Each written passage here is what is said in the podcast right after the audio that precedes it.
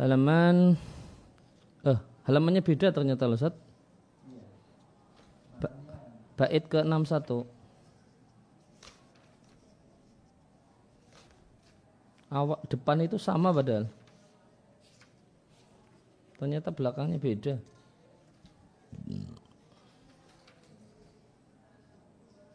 Saya mau saya mau ngulang halaman bapaknya.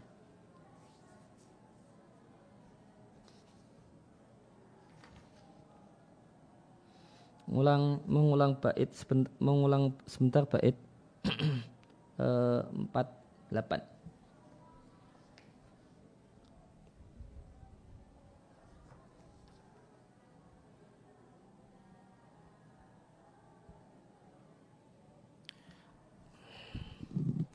Alhamdulillah wassalatu wassalamu ala rasulillahi wa ala alihi wa sahbihi wa man tabi'ahum bi ihsanin ila yaumidin amma ba'id kaum muslimin dan muslimah rahimani wa rahimakumullah. Kembali kita lanjutkan membaca dan mentelaah mandumah fi alamati sehatil qalbi karya Syekh Sulaiman Ibn Sahman rahimallahu taala dengan penjelasan dari Syekh Abdul Razak hafizallahu taala wa wafaqahu. Sebelum kita lanjutkan berkenaan dengan bait yang ke-47 dan 48 Uh, An-Nazim penulis Nazam menyampaikan tiga jenis ulu, ulu dat, ulu qadar dan ulu qahar. Ya, dan Pensar juga menegaskan demikian bahasanya ulu Allah ada tiga macam ya, ulu zat yang artinya Allah zatnya ada di atas sana di atas arsh. Kemudian ulu qadar dan ulu qahar. Namun pensara tidak memberikan uraian lebih lanjut tentang makna ulul qadar dan ulul qahar. Oleh karena itu untuk melengkapi hal ini maka ingin kami bacakan penjelasan Syekh Abdul Razak sendiri di kitab beliau Fikih Asmaul Husna tentang makna uh, ulu Allah Subhanahu wa taala.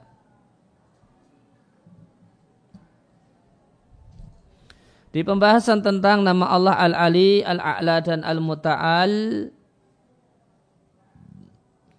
beliau disampaikan oleh Sa'ab Razak hafizallahu taala bahasanya ulu Allah Subhanahu wa taala itu ada tiga macam. Yang pertama, fawa al-aliyu uluwa zatin. Allah itu zat yang tinggi, artinya zatnya ada di atas sana. Ya, yaitu zat Allah ada di atas arsh. Sehingga zat Allah itu di atas seluruh makhluk. Artinya Allah subhanahu wa ta'ala itu terpisah dari makhluk. Dan Allah itu di luar jagat raya.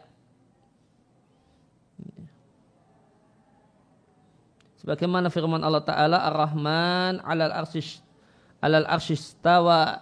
Allah Ar-Rahman istawa di atas arsh ya. dan istawa maknanya ala wartafa'a alaihi. Di atas dan meninggi di atas arsh dengan tinggi yang layak bagi kemuliaan dan kesempurnaan dan keagungan Allah Subhanahu wa taala. Kemudian yang kedua adalah huwa al-aliyu ulu wa qadrin. Allah itu adalah zat yang tinggi dalam artian ulu qadrin, derajat dan uh, martabatnya dan kemuliaannya adalah tinggi. Dan ini sama dengan ulu sifat. Sifat-sifat Allah seluruhnya adalah sifat-sifat yang agung dan mulia. Wa huwa ulu sifatihi wa adomati wa adom uh, adomatiha dan ini makna ulul qadar itu adalah ulul sifat. Ini, sifat Allah adalah sifat-sifat yang luhur dan mulia. Dan yang dimaksud dengan ulul sifat adalah azamati sifatiha.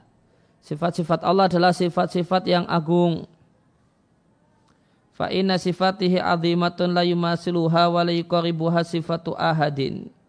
Karena sifat Allah adalah sifat sifat yang agung tidak ada yang semisal dengan sifat Allah, tidak pula ada yang mendekati. Ini, mendekatinya sifat ahadin sifat siapa pun. Balla yutiqu al ibatu ayuhitu bi sifatin wahidatin min sifatihi. Bahkan para hamba tidaklah mampu untuk meliputi dan mengetahui secara detail ini salah satu sifat Allah Subhanahu wa taala. Kemudian yang ketiga kata Sa Abdul Razak wafaqahullahu wa hafidhah wa wal aliyu uluwa qahrin. Allah itu adalah zat yang tinggi dalam artian tinggi qaharnya, kekuasaannya.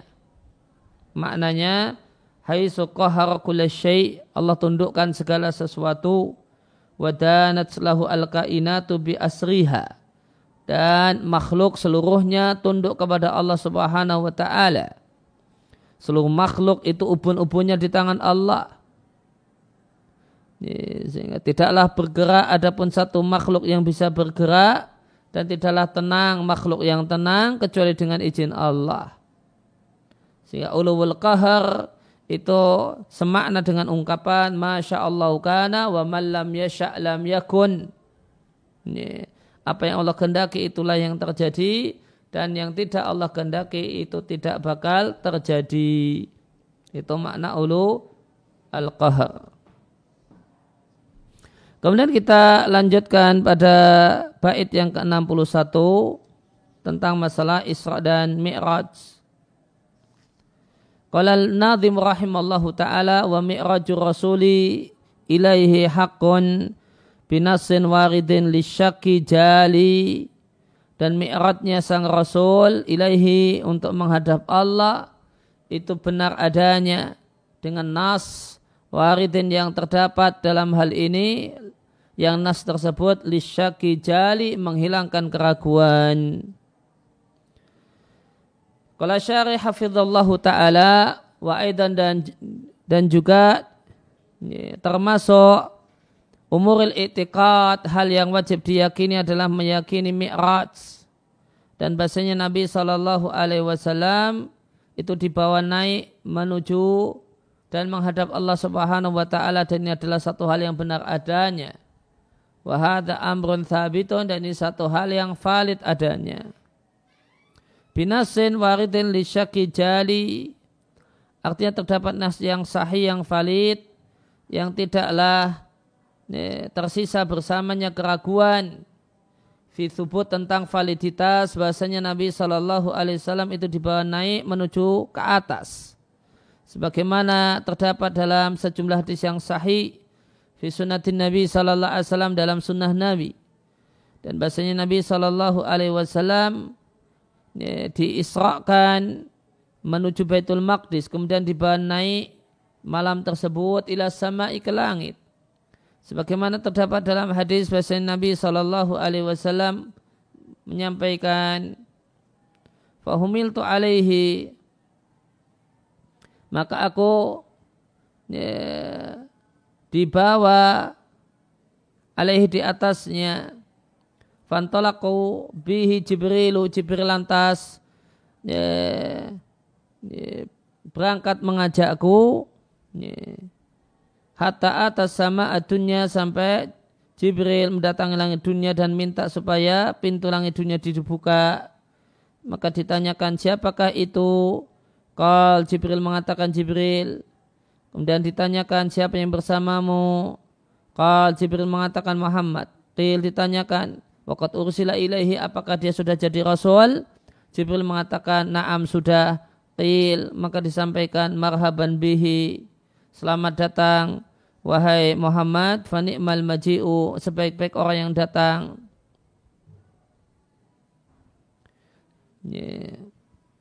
Ja'a fafataha lantas Jibril datang dan membuka pintu, pintu langit dunia. Falamma khalastu maka setelah aku masuk, Faidah ternyata di langit dunia terdapat Adam. Fakal Jibril mengatakan ini ayahmu Adam, ucapkanlah salam kepadanya, maka aku pun mengucapkan salam kepada Adam dan dan Adam menjawab salam.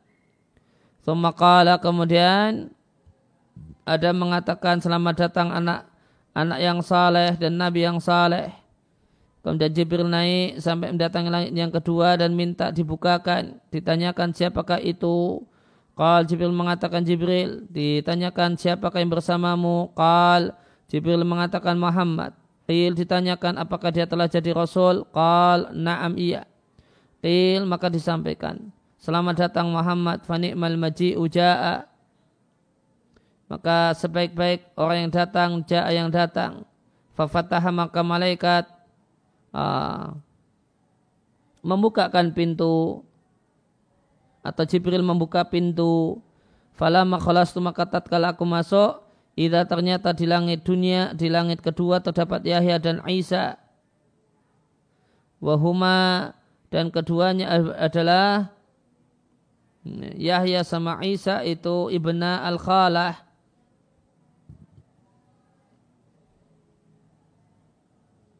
dua anak laki-laki dari e, saudara seibu. Kal Jibril mengatakan ini Yahya dan Isa ucapkanlah salam kepada keduanya maka aku pun mengucapkan salam dan keduanya menjawab salam. Tumakala kemudian keduanya mengatakan selamat datang saudaraku yang saleh dan Nabi yang saleh. Dikatakan saudara karena mereka Yahya dan Isa ini Bani Israel Sedangkan Muhammad sallallahu alaihi wasallam itu Bani Ismail dan Bani Ismail bersaudara dengan Bani Israel. Summa sa'idah kemudian naik, Jibril naik, bi membawaku ke langit yang ketiga. Jibril minta untuk dibuka, maka ditanyakan siapakah itu. Kal, maka Jibril menjawab Jibril, Kil ditanyakan siapa yang bersamamu. Kal Muhammad mengatakan, Muhammadun uh, Jibril mengatakan Muhammadun Muhammad Kil ditanyakan ya waqad ursila ilaihi apakah dia telah jadi rasul Jibril mengatakan na'am iya sudah. Kil maka disampaikan marhaban bihi selamat datang dia Muhammad. Maka sebaik-baik al-maji orang yang datang ja'a datang. Fafutiha maka pintu dibuka. Falamma khalastu maka setelah aku masuk ternyata di langit tiga, langit ketiga terdapat Nabi Yusuf. Kalau Jibril mengatakan ini ini Yusuf, ucapkanlah salam kepadanya maka aku pun mengucapkan salam kepadanya. Dan Yusuf pun menjawab ucapan salam. Semakal, kemudian Yusuf mengatakan marhaban bil akhi saleh wan nabi saleh. Selamat datang saudaraku yang saleh dan nabi yang saleh. Karena Yusuf bani Isma Israel dan Nabi bani Ismail. Kemudian Jibril naik membawaku sampai mendatangi langit yang keempat. Jibril minta untuk dibuka. Kili disampaikan siapakah itu? Jibril mengatakan Jibril. Ditanyakan siapakah yang bersamamu? Jibril mengatakan Muhammad. Kil ditanyakan apakah dia telah jadi Rasul? Kal Jibril mengatakan naam sudah. Kil ditanyakan selamat datang dia. Fanikmal maji'u sebaik-baik orang yang datang ja'a datang. Fafutiha lantas dibukakan pintu. Falamma maka tatkala khalas aku masuk ila menuju Idris. Qal Jibril mengatakan ini Idris ucapkanlah salam kepadanya maka aku pun mengucapkan salam pada Idris. Faradda dan Idris pun menjawab ucapan salam. Semakal kemudian Idris mengatakan marhaban bil akhi saleh wan nabi saleh. Selamat datang saudaraku yang saleh dan nabi yang saleh. Ya, nah, kalimat ini dijadik, uh, menjadi dalil sebagian ulama mengatakan bahasanya Idris itu nabi dari Bani Israel. Karena Idris menyambut nabi dengan mengatakan bil akhi saleh wan nabi saleh. Kalau Idris itu berasal dari atau posisinya setelah Adam maka semestinya uh, dia menyambut sebagaimana sambutan Adam. Marhaban, wahai anakku yang saleh gitu. Tapi diksinya sama dengan diksi Nabi-Nabi Bani Israel. Selamat datang saudaraku yang saleh. Idabikum dan Jibril naik membawaku sampai mendatangi langit yang kelima. Jibril minta untuk dibuka. Kil ditanyakan siapakah itu? Jibril mengatakan Jibril. Ditanyakan siapakah yang bersamamu? Jibril mengatakan Muhammad. Ditanyakan apakah dia telah jadi Rasul? Jibril mengatakan iya sudah. Kil ditanyakan. Kil dikatakan selamat datang dia sebaik-baik orang yang datang. Ja'a datang. Maka tatkala aku masuk ternyata di situ ada Harun. Qal Jibril mengatakan ini Harun, ucapkanlah salam kepadanya. Aku pun mengucapkan salam kepadanya. Faradda dan Harun pun menjawab salam.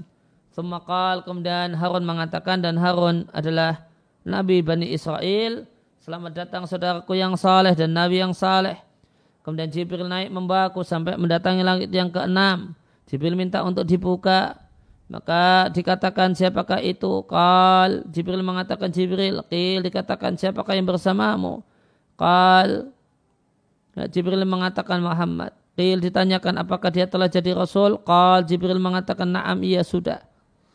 Kal kemudian malaikat tersebut mengatakan selamat datang dia sebaik-baik orang yang uh, al-maji orang yang datang ja'a datang. Setelah aku masuk ternyata di langit keenam terdapat Musa.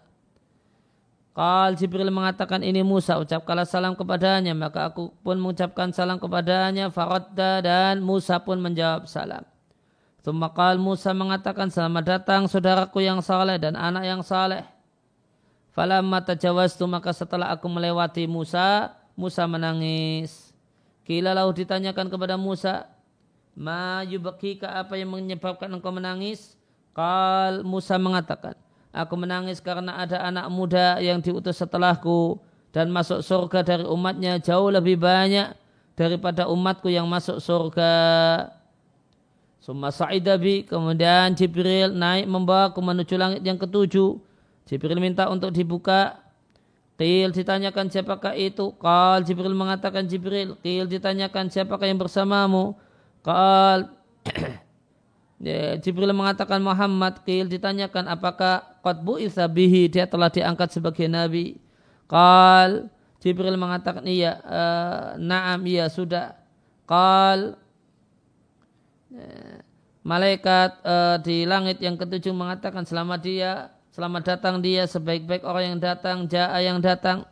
Maka tatkala aku telah masuk ternyata di langit ketujuh ada Nabi Ibrahim. Qal Jibril mengatakan Hada abuka, ini ayahmu Ibrahim, ucapkanlah salam kepadanya. Maka aku pun mengucapkan salam kepadanya. Faradda salama dan Ibrahim pun menjawab salam. Qal Ibrahim mengatakan, selamat datang anakku yang saleh dan Nabi yang saleh. Thumma rufi, uh, rufi'at li, kemudian dinampakkan padaku sidratul muntaha Faida ternyata Nabi Kuha Sidrah itu artinya pohon sidr, pohon bidara, al-muntaha artinya tempat akhir. Karena itu tempat maksimal keberadaan makhluk.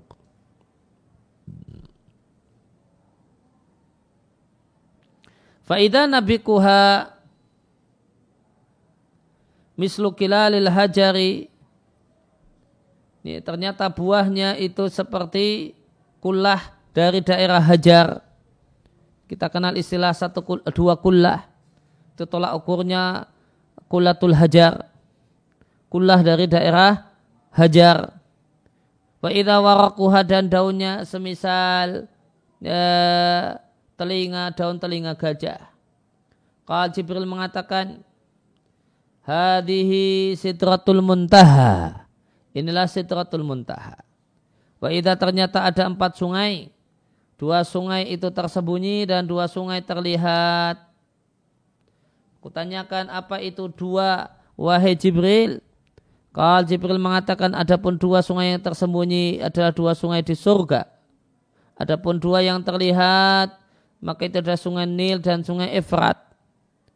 Kemudian dinampakkan kepadaku Al-Baitul Ma'mur ya, masjidnya para malaikat.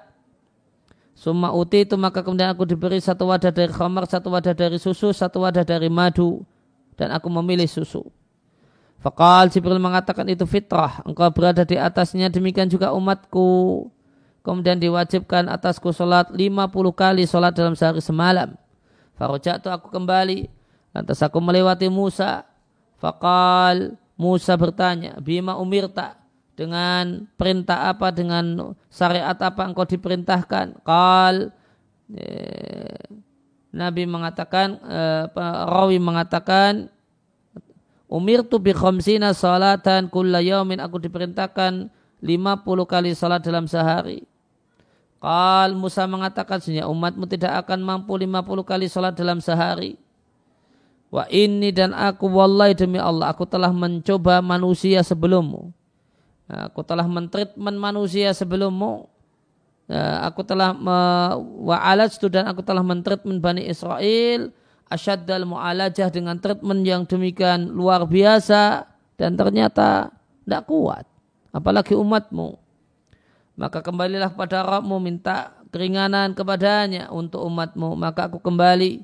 Fawadah Allah hilangkan ani dariku asaran 10 berarti masih 40 Faroja tu lantas aku kembali kepada Musa. Maka Musa mengatakan semisal perkataan di atas. Maka aku kembali kemudian Allah menghilangkan dariku sepuluh. Ya, maka jadi tiga puluh. Maka aku kembali menemui Musa dan Musa berkata semisal itu. Lantas aku pun kembali kepada Allah. Kemudian Allah hilangkan dariku sepuluh yang ketiga. Farja'tu aku kembali kepada Musa, maka Musa berkata semisal itu aku kembali kepada Allah. Lantas aku diperintahkan untuk mengerjakan sholat sepuluh kali sholat dalam sehari semalam. Aku kembali kepada Musa. Faqal la mislau Musa mengatakan semisal itu. Aku kembali kepada Allah. tu lantas aku diperintahkan dengan lima solat sehari semalam. Aku kembali kepada Musa. Faqal Musa mengatakan bima umirta. Perintah apa yang diberikan kepadamu? Kultu aku katakan aku diperintahkan untuk lima solat dalam setiap harinya. Kal Musa mengatakan umatmu tidak akan mampu lima solat dalam setiap harinya. Aku telah mencoba manusia sebelummu. Aku telah menterapi Bani Israel dengan terapi yang luar biasa dan ternyata gagal. Kembalilah pada Rabbmu mintalah keringanan untuk umatmu. Kal maka Nabi kita mengatakan aku telah meminta kepada Rabbku sampai aku malu. Walakin akan tapi aku ridho dan aku pasrah. Qal falamma jawastu maka tatkala aku telah melewati lebih jauh nada munadin bersululah seorang penyeru yaitu Allah Subhanahu wa taala amdaitu faridati wa khafaftu an ibadi kewajibanku tetap uh, ya, tetap berjalan tetap kujalankan kewajiban yang telah kutetapkan dan kuberi keringanan untuk hamba-hambaku maka lima ya lima namun nilainya adalah lima puluh.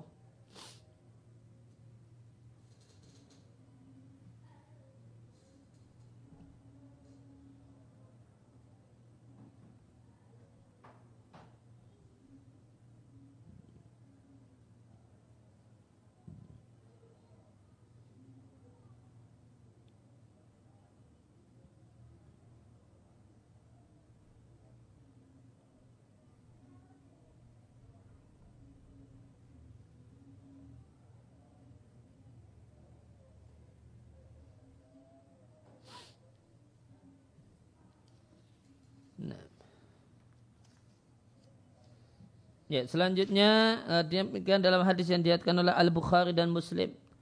Fahada kulu hakun maka ini semua benar kita imani karena valid dalam hadis-hadis yang sahih dari Rasul yang mulia salatullah wassalamuhu wa barakatuhu alaihi. Kemudian kala Nazim rahimallahu taala di bait yang ke-62 kadzaka al-jisru yunsabu lil baraya ala matni sa'iri bila muhali. Demikian pula jembatan yunsabu yang dipasang lil baroya untuk makhluk di atas punggung as-sa'ir neraka bila muhali tanpa mustahil. Fanajin salimin min kulli syarin maka ada orang yang selamat dan selamat dari segala kejelekan. Wahawin dan ada orang yang jatuh halikin binasa linnari sali sali masuk masuk ke dalam neraka Penjelasannya termasuk di antara hal yang wajib diimani adalah mengimani jembatan yaitu surat al-mustaqim yang dipasang di, atas punggung neraka pada hari kiamat.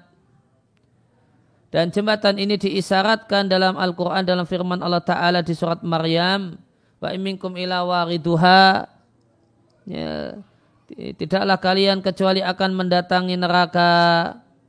Karena ala rabbika hatmam maqdiya. Itu sebuah hatman keharusan makdian yang telah ditakdirkan. Ini satu keharusan ala rabbika atas Rabbmu. Kemudian kami selamatkan orang-orang yang bertakwa dan kami biarkan orang-orang yang zalim fiha di dalam neraka jizya bertekuk lutut. Dan salah satu makna wariduha dari dua pendapat ahli tafsir untuk ayat ini adalah melewati jembatan di atas neraka.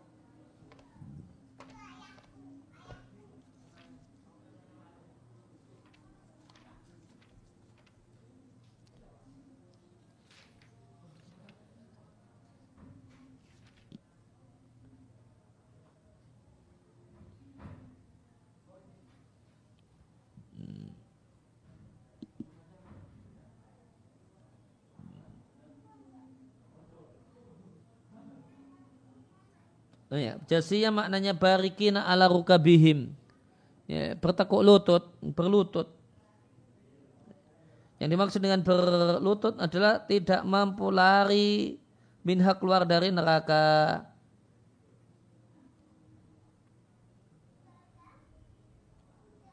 Ya, di Al-Mukhtasar fit tafsir untuk ayat 71 dijelaskan maknanya wa ayuhan nas ahadun tidak ada Ya, wahai manusia, tidak ada dari kalian satupun kecuali akan melewati sirat, jembatan yang dipasang di atas punggung neraka.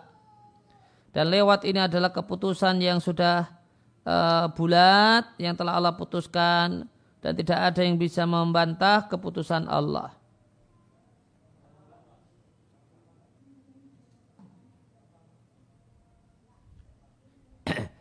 Ya, kembali ke buku wajah dzikru hadal jisri dan jembatan ini disebutkan dan disebutkan uh, gambarannya dalam hadis-hadis yang sahih yang valid dari Rasulullah sallallahu alaihi wasallam.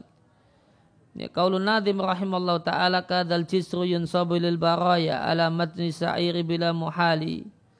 Ay artinya dipasang pada hari kiamat di atas punggung neraka, kemudian manusia diperintahkan untuk melewatinya. Wahwa dan jembatan tersebut lebih kecil daripada sehelai rambut dan lebih tajam daripada pedang. Kalau Nadim rahimallahu ta'ala fanajin salimin min kulli syarin. Artinya kismun satu bagian dari orang-orang yang melewati sirat. Takunulahum salamatu. Dia mendapatkan keselamatan dan keselamatan. Semoga Allah memuliakan kita seluruhnya termasuk orang-orang yang selamat dan selamat pada hari tersebut. Hari yang sangat berat itu.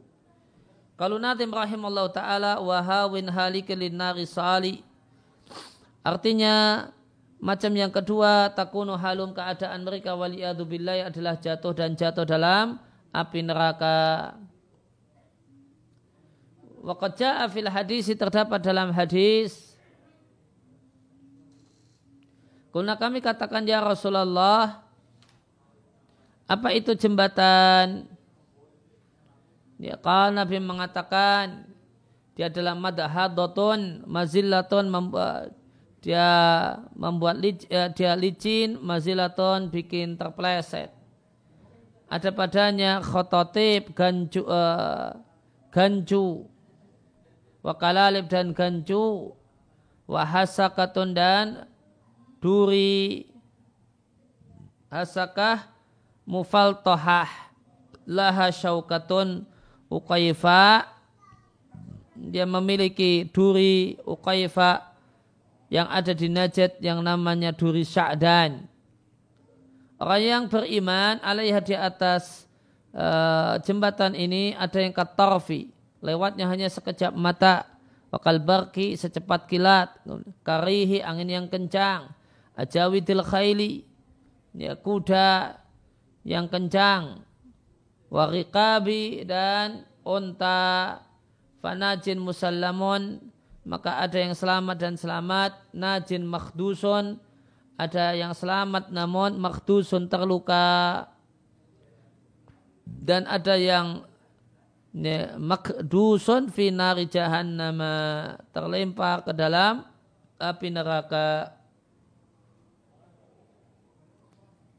Hatta yamur akhiruhum sampai lewatlah orang yang paling terakhir yushabu sahba Nah, dia diseret betul-betul diseret. Ini semua adalah hakun satu hal yang benar adanya. Dalilnya adalah sejumlah nas yang sahih atau yang valid dari Nabi yang mulia alaihi salatu wassalam. Ibn al-Qayyim rahimahullah ta'ala mengatakan berjalannya manusia di atas sirat dalam cepat dan lambat itu berbanding lurus dengan cepat dan lambatnya mereka dalam berjalan di atas sirat Allah yang lurus di dunia.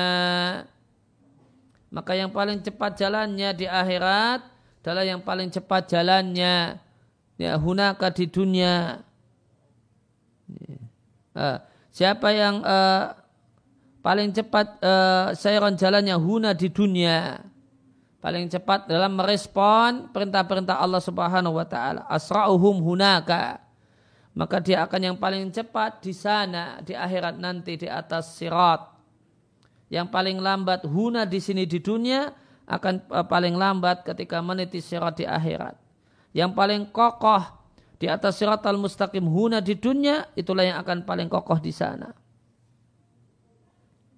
Waman dan orang yang disambar oleh kalalib, eh, ganju-ganju berupa fitnah syahwat dan fitnah subuhat dan bid'ah yang menyesatkan huna di dunia, maka dia akan disambar oleh ganju-ganju. Alatikaan nah yaitu seakan-akan syakus sa'dan, duri yang disebut dengan duri sa'dan hunaka di sana di akhirat. Wa yakunu ta'thiru kalali bisyahwa dan pengaruh dari gancu berupa fitnah syahwat dan subhat serta bid'ah fihi pada dirinya hahuna di sini di dunia itu macam-macam. Ada orang yang selamat ya, sama sekali tidak tergoda dengan godaan fitnah subhat dan syahwat. Musallamu maka dia selamat. Kemudian yang kedua eh, makhdusun musallamun wa mukhardalun. Terluka namun masih selamat. Mukhardal mukhardal artinya muqatta'un terpotong oleh kalalib. Maka ada yang terkena fitnah syahwat namun setelah itu bisa sehat. Terkena fitnah subahat kemudian bisa sehat karena taufik Allah subhanahu wa ta'ala. Kemudian kesungguhannya untuk mencari kebenaran dan hal yang benar dan hal yang baik kemudian yang ketiga ada yang mukradasun finnar. Ya, terjatuh dalam neraka.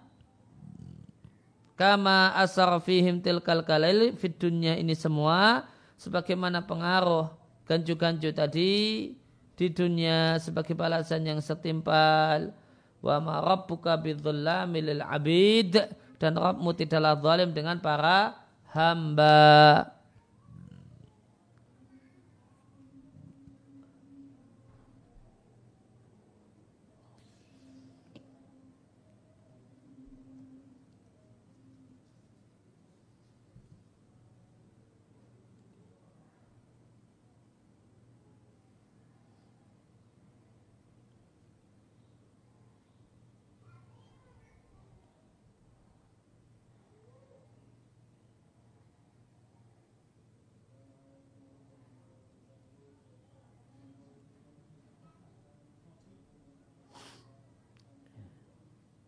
Ya, kita coba cek beberapa kosakata.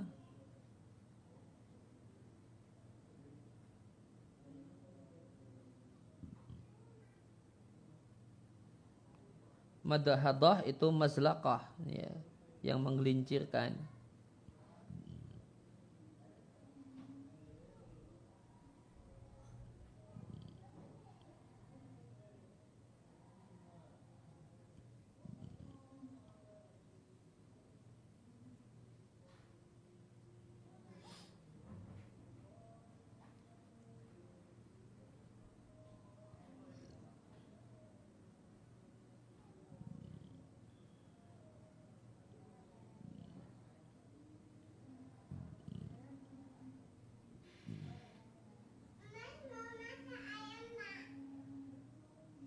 Ya, hasakon itu duri. Ya. ya, setiap tumbuhan yang berduri, tumbuhan berduri.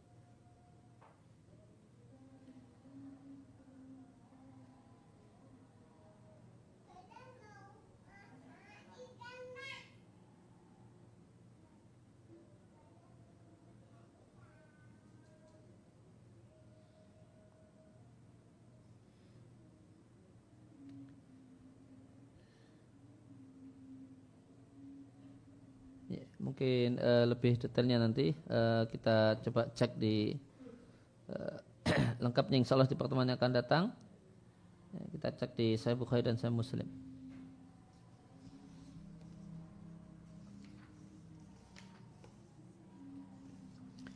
Ya, kemudian bait yang ke-64 sampai 68 Qala nadhim rahimallahu ta'ala wa tu'minu bil qada khairan basyara wa bil maqduri fi kulil fi'ali dan Anda mengimani qada baik yang baik ataupun yang jelek dan makdur hal yang ditakdirkan fi kulil fi'ali pada pada setiap perbuatan.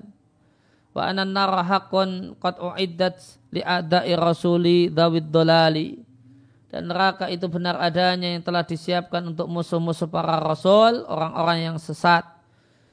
Bihikmati Rabbina adlan wa ilma bi ahwalil khalaiqi fil ma'ali dengan hikmah Rabb kita eh, keadilannya dan ilmunya ilmunya tentang keadaan makhluk fil ma'ali di akhirat nanti. Wa anal jannatal firdausa haqqun uiddat lil hudati ulil ma'ali dan bahasanya surga Firdaus itu benar adanya. Uidat yang disiapkan lil hudati untuk orang-orang mendapatkan petunjuk. Ulil ma'ali orang-orang yang memiliki hal-hal yang mulia. Dan itu orang termasuk surga bifadlin minhum ihsanan wajudan. Dan orang termasuk surga dengan karunia dari Allah ihsanan kebaikan judan kedermawanan Allah wa takriman lahum ba'dal wisali dan pemuliaan bagi mereka setelah mereka terus menerus ya, berpuasa. Yaitu berpuasa dari hal-hal yang Allah haramkan. Ya. atau mereka terus menerus dalam menjaga ketaatan. Ya penjelasannya kalau nadim wa tu'minu bil qada artinya mengimani qada wal qadar. Dan bahasanya segala per, uh, perkara seluruhnya dengan takdir Allah dan qadarnya. Wa kana amrullahi qadaran maqdura. Dan adalah nah, ketetapan Allah itu adalah takdir yang telah ditetapkan. Maka anda beriman dengan qada baik yang baik ataupun yang jelek yang manis ataupun yang pahit yang semuanya datang dari Allah Subhanahu wa taala. Fi fi'ali dan takdir Allah fi kulli ma yaf'alu al-abdu dalam semua yang dilakukan oleh hamba berupa ketaatan ataupun maksiat, kekafiran ataupun iman, hidayah ataupun kesesatan dan yang lainnya semuanya dengan takdir. Anda iman itu semua. Wa anal umur dan bahasanya perkara seluruhnya dengan qada Allah dan qadarnya sebagaimana terdapat dalam hadis Jibril alaihi salam. Wa tu'mina bil qadari khairihi wa syarihi. Engkau beriman dengan takdir yang baik ataupun yang jelek. Dan sesungguhnya qala Nadim rahimallahu taala wa anna nara haqqun qad uiddat li ada'i rasuli dawid dolali. Artinya kita beriman bahwa neraka itu telah diciptakan dan telah ada. Dalilnya firman Allah Ta'ala dan takutlah kalian dengan neraka allati uiddat lil kafirin yang telah disiapkan bagi orang-orang kafir. Kalau Nadim rahimallahu ta'ala dan masuk neraka itu bihikmati Rabbina adlan wa ilma dengan hikmah dari Rabb kita sebagai bentuk keadilan dan ilmu. Bi ahwalil khalaiqi ilmu tentang keadaan para makhluk fil ma'ali di akhirat nanti. Maka masuknya penghuni neraka ke dalam neraka itu karena hikmah dan keadilan Allah karena Allah tidak zalim kepada siapa pun. Dan ilmu Allah Subhanahu wa taala tentang keadaan makhluk di akhirat nanti Maka Allah siapkan untuk orang-orang yang durhaka, orang kafir, orang yang mendustakan para nabi Allah dan rasul Allah, Allah siapkan untuk mereka neraka wal billahi. Kalau Nadim rahimahullah ta'ala wa annal jannat al firdausa haqqun uiddat lil hudati ulil ma'ali. Artinya surga itu Allah siapkan untuk orang-orang yang mendapatkan hidayah, orang-orang yang istiqomah, orang-orang yang melakukan hal-hal yang mulia semacam ibadah, ketaatan, dan yang lainnya. Kalau Nadim rahimallahu taala bifadlin minhu ihsanan wajudan wa takriman lahum ba'dal wisali. Artinya setelah mereka terus menerus menjaga diri untuk senantiasa taat kepada Rabb mereka wa mulazamah senantiasa beribadah kepada Allah Sebagaimana firman Allah Ta'ala, wasari'u ila marfiratim mirabbikum, bersegeralah menuju ampunan dari Rabb kalian dan surga yang lebarnya langit dan bumi, uiddat lil muttaqin yang telah disiapkan bagi orang-orang yang bertakwa.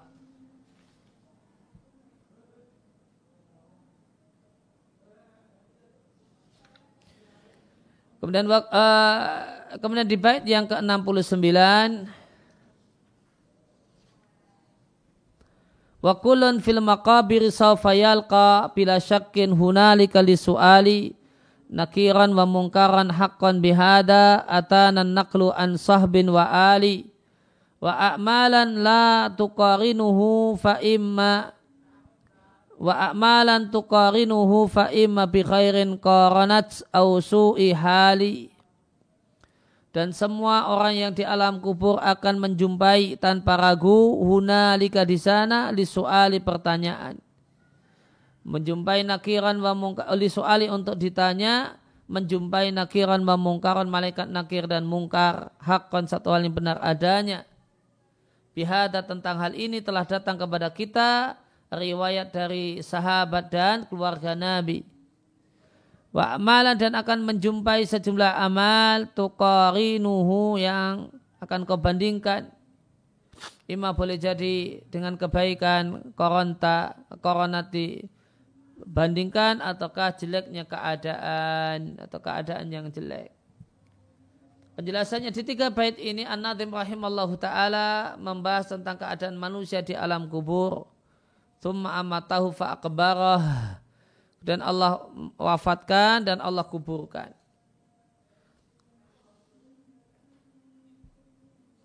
Maka kita mengimani bahasa manusia di alam kubur, ketika dikubur dia akan menjumpai tanpa ragu, hunalika di alam kubur, pertanyaan dari mungkar dan nakir. Bila syakin hunalika di soali, nakiran wa mungkaran.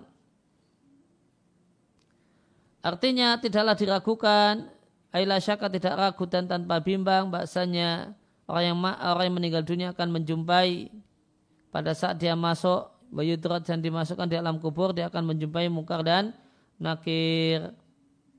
Ini catatan dan kaki inilah dua malaikat yang nama keduanya disebutkan dalam hadis dari Abu Hurairah radhiallahu anhu. Rasulullah Shallallahu Alaihi Wasallam bersabda, jika dimakamkan seorang mayit atau salah satu kalian, dia akan ditatang oleh dua malaikat yang hitam dan hijau. Ya, hitam dan biru. Yang satu disebut mungkar yang yang lain disebut nakir. Diatkan oleh at-tirmidzi Kemudian mungkar dan nakir kembali ke atas wahuma dan keduanya dua-dua malaikat yang mendatangi seorang hamba ketika dimasukkan di alam kubur dan didudukkan di alam kubur. Keduanya akan bertanya siapakah Rabbmu, apa agamamu dan siapakah nabimu. Keduanya diberi sebut mungkar dan nakir karena keduanya datang dalam rupa yang aneh tidak dikenal dan tidak diketahui. Keduanya datang dengan rupa ini dan mungkar dan nakir ini juga disebut fatanan malaikat penguji. Qauluhu haqqan bihada atana naqlu an sahbin wa ali. Yusir di sini An-Nadim mengisyaratkan sejumlah hadis di antaranya hadis yang terdapat dalam sahihain Sabiri dan Sahih Muslim dari Anas radhiallahu anhu dari Nabi sallallahu alaihi wasallam. Nabi menyampaikan seorang hamba jika diletakkan di kuburnya kemudian ditinggal berdahab dan pergilah kawan-kawannya hatta sampai-sampai ketika dia mendengar suara sandal datanglah padanya dua malaikat lantas dua malaikat itu mendudukkannya dan menanyainya akan bertanya kepadanya, makun tatakulu, apa yang kau katakan tentang orang ini yaitu Muhammad sallallahu alaihi wasallam. Maka mayit ini mengatakan bersaksi dia adalah hamba Allah dan utusannya. Dan dikatakan lihatlah tempat tinggalmu dari neraka telah Allah ganti dengan tempat tinggalmu di surga. Maka Nabi Shallallahu Alaihi Wasallam mengatakan maka dia melihat keduanya, jami'an dua-duanya. Adapun orang kafir atau munafik keduanya mengatakan aku tidak tahu. Aku dulu mengatakan apa yang dikatakan oleh banyak orang maka dikomentari engkau tidak mengetahui dan tidak mau uh, la daraita engkau tidak tahu wala talaita dan engkau tidak mau ya, mengikuti kemudian dia dipukul dengan gada dari besi satu pukulan di antara dua telinganya dia teriak dengan satu teriakan yang akan didengar oleh semua makhluk yang ada di dekatnya kecuali jin dan manusia. Dan hadis-hadis tentang makna ini satu hal yang banyak. Ya akmala di sini atafnya ke nakir dan mungkar artinya akan berjumpa nakir dan mungkar dan juga berjumpa sejumlah amal yang engkau akan membandingkannya. Boleh jadi dengan kebaikan engkau bandingkan atau kejelekan. Artinya bahasa amal Artinya amal manusia akan dia jumpai di alam kubur. Wa amalu asal dan amal solehnya akan datang padanya di alam kubur dalam rupa seorang yang saleh. Sedangkan amal kejelekannya akan datang dalam rupa orang yang jelek. Uh, maknanya mulaziman bukan membandingkan. Ya, maka wa amalan uh, sehingga makna bait 71 dan dia akan menjumpai amal tukarinu yang akan membersamainya. Imma bi khairin boleh jadi kebaikan, koronat membersamai ataukah keadaan yang jelek. Wa yakunu mukarinan lil abdi dan amal tersebut mukarin kepada seorang hamba artinya mulaziman senantiasa membersamainya dalam alam kuburnya. Sedangkan amal seseorang Ta'tihi fi qabri akan datang kepadanya dan amal tersebut akan menggandengnya. Dan amal sholat adalah sebaik-baik yang mendampingi dan amal jelek itu sebaik-baik yang sejelek-jelek yang mendampingi wal iyad wal iyadu billahi. Ya demikian yang kita uh, baca kesempatan pagi hari ini biar ada besok yang bisa dibaca di pertemuan yang terakhir, terakhir insyaallah taala. Wassallallahu ala nabiyina Muhammadin wa ala alihi wa alhamdulillahi rabbil alamin. Ada pertanyaan Ustaz?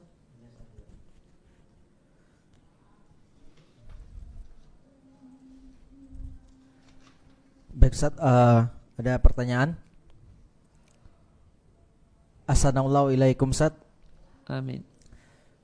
Saat Afan Ustaz, untuk peristiwa Mi'raj Nabi Shallallahu Alaihi Wasallam yang dijelaskan dalam hadis tadi, apakah ada faidah dari posisi Nabi yang berada di tiap-tiap langitnya, Ustaz? Allah Ta'ala a'lam. Apa kenapa Adam di langit pertama dan seterusnya? Apa hikmahnya? Saya belum dapatkan informasi lebih lanjut tentang hal ini. Nah. Subhanakallahumma bihamdika asyhadu an la ilaha illa anta astaghfiruka wa atubu ilaika